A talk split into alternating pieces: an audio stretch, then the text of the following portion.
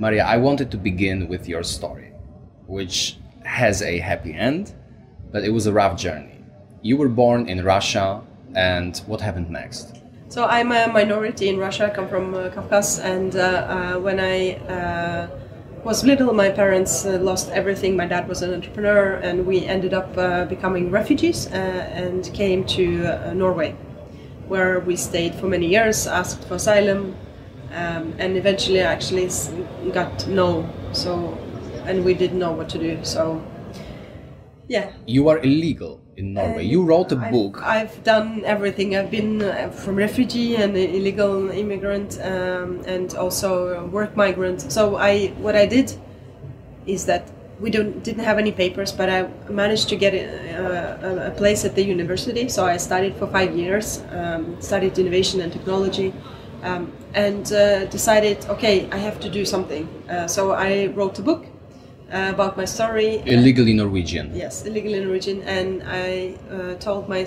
my story just openly. It was out in the media, and that led to a lot of support in Norway. Um, and a new by, law by, was by law, I was allowed. I should have gotten um, uh, permission to stay in Norway, but because my case became very political between all the parties, uh, I was uh, arrested and I was uh, deported.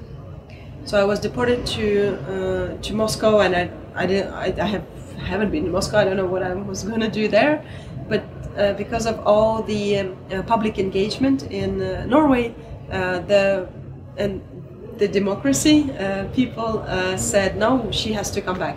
So the government had to compromise. So they created a new law that they call Lex Amelie, and they allowed me to come back um, on a work permit. So I came back uh, and worked as a, as a journalist in Technology magazine for four years, and got my got my permission to, to live in Norway for permanently. And this is why your startup and a think tank as well is called Startup Migrants.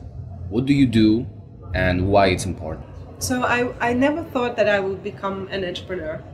Um, because uh, I've had such bad experience from my uh, childhood when I saw how hard my dad worked and how he lost everything. Uh, but then at the same time, I've written several books and interviewed some of the most successful technology founders um, in the Nordics. And when I was learning their story, I realized, oh, we have a lot in common. I never thought about it um, because when you grow up as a, as a migrant, you always hear maybe negative uh, stuff that you are you are underdog, that you don't have necessarily enough skills, experience, and you kind of feel like you um, you don't have so much to contribute with. Um, but when I was talking to um, all founders from all over the world, is um, they had to become successful founder, you have to take risk, and that's what you do when you are a migrant. You move to a new country and you take risk. Uh, and to become uh, successful, you also have to you have to be innovative in everything you do. Uh, so when you come to a new country, you feel like uh, uh, like an idiot most of the time, because uh, everything is new. It's difficult to understand the language, but at the same time, you also have fresh perspective. You see problems and you see new markets that maybe traditional uh, local people are not seeing. Um, and you also have a sense of purpose. I think when you to to become a really successful uh, founder, you have to. It's not just about the money. It's about creating and building something that may, that is good for the world, for your family, uh, for your country. Uh, so I think when you, that's what you have when you come as a migrant um, is this uh, drive to to build something uh, that will matter. And I think um, that's and so I realized all of these things and decided, oh. Hmm, migration entrepreneurship we don't talk so much about these these two topics are usually separated but what if we look into this all over europe and also middle east and try to understand how can uh, how countries um, can you see migration as opportunity or is it just a problem and how different uh, countries are handling uh, migration um, do they win do they get a lot of innovations a lot of uh, new jobs or is it just a problem for them? And and I guess there's still a lot of ground to cover for you in startup migrants in order yeah. to kind of implement anything or create some tools or guides or guidebooks for people who want to migrate and start their business somewhere else. But another area of your expertise and the topic that you researched and also wrote a book on it is freedom of speech in public and private companies in the age of social media. Now, what are the main concerns and challenges that you see identify in this area? I think um, it's a big, uh, it's a challenge uh, to um, say what you mean on social media today, especially if you're part of a big corporate or you're part of a part of a government.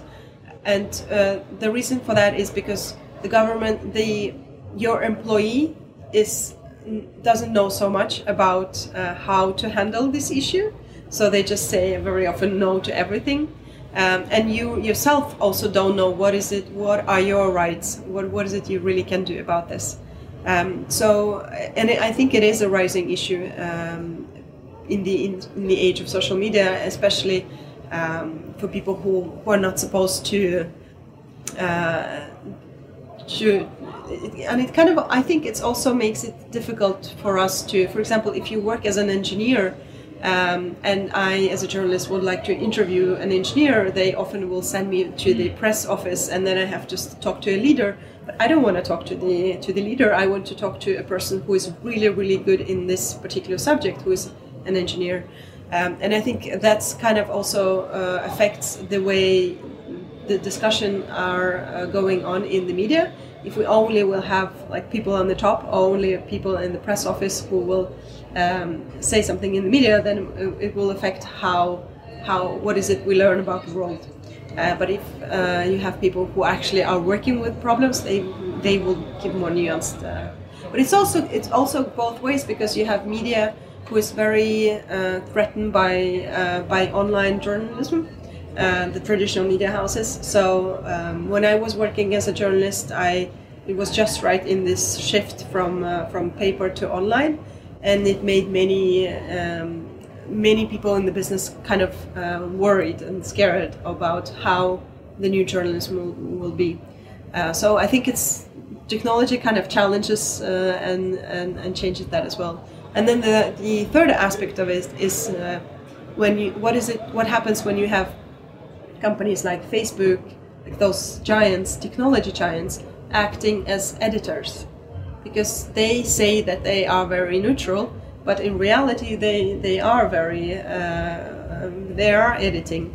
Um, so, and I think we just have to keep, keep continue asking this question and, and, and challenge them. And when it comes to the employees and leaders, it's up to leaders in these companies to invite employees and to have a discussion about this. One of the examples we had in Norway is one of the uh, CEOs. She invited her whole company um, to have a discussion about this, and she encouraged everyone to uh, to start their own Twitter Twitter accounts.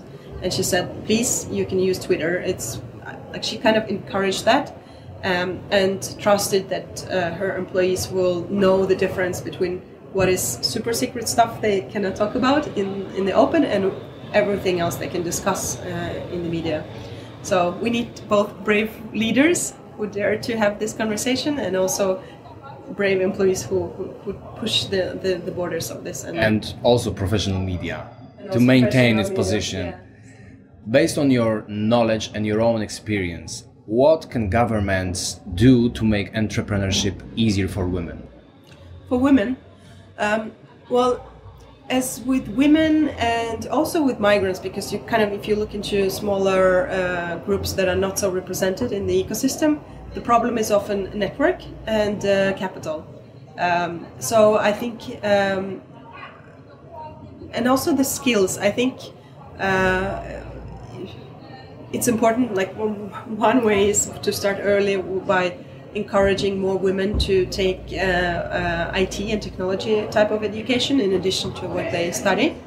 Um, another side of it is to um, make it maybe easier for women to have kids and to uh, start a company. Um, in Norway, you have access. You will get kindergarten, so and it's it's um, a society where kind of a lot of gender equality. So the husband will also be helping, or the husband or a woman can take a, um, a leave of absence and take care of the kids while they have still have salary. So that helps a lot. And subsidized um, kindergartens is uh, helps a lot. It, it is there's no point in just giving money to women when they have kids. Uh, because I think the kindergarten will actually help much more.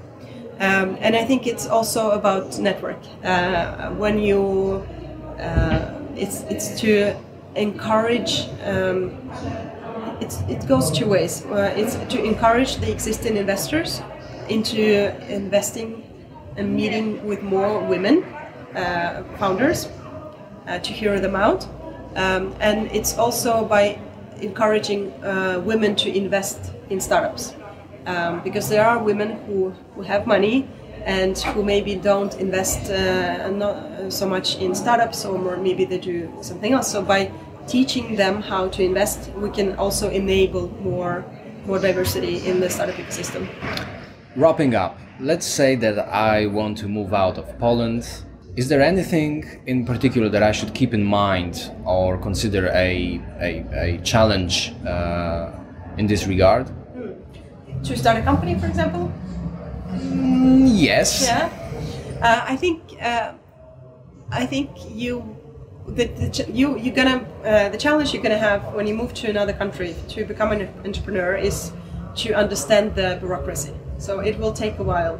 So it's a good thing to to find someone who can uh, who understands that. Maybe start learning it beforehand, and uh, maybe understand. Uh, in, figure out in which countries it's easier to start a business. I mean, in in, there are many migrants who have who moved to UK because it costs nothing to start a company, and uh, in Germany it's almost three thousand euros to just to register a company.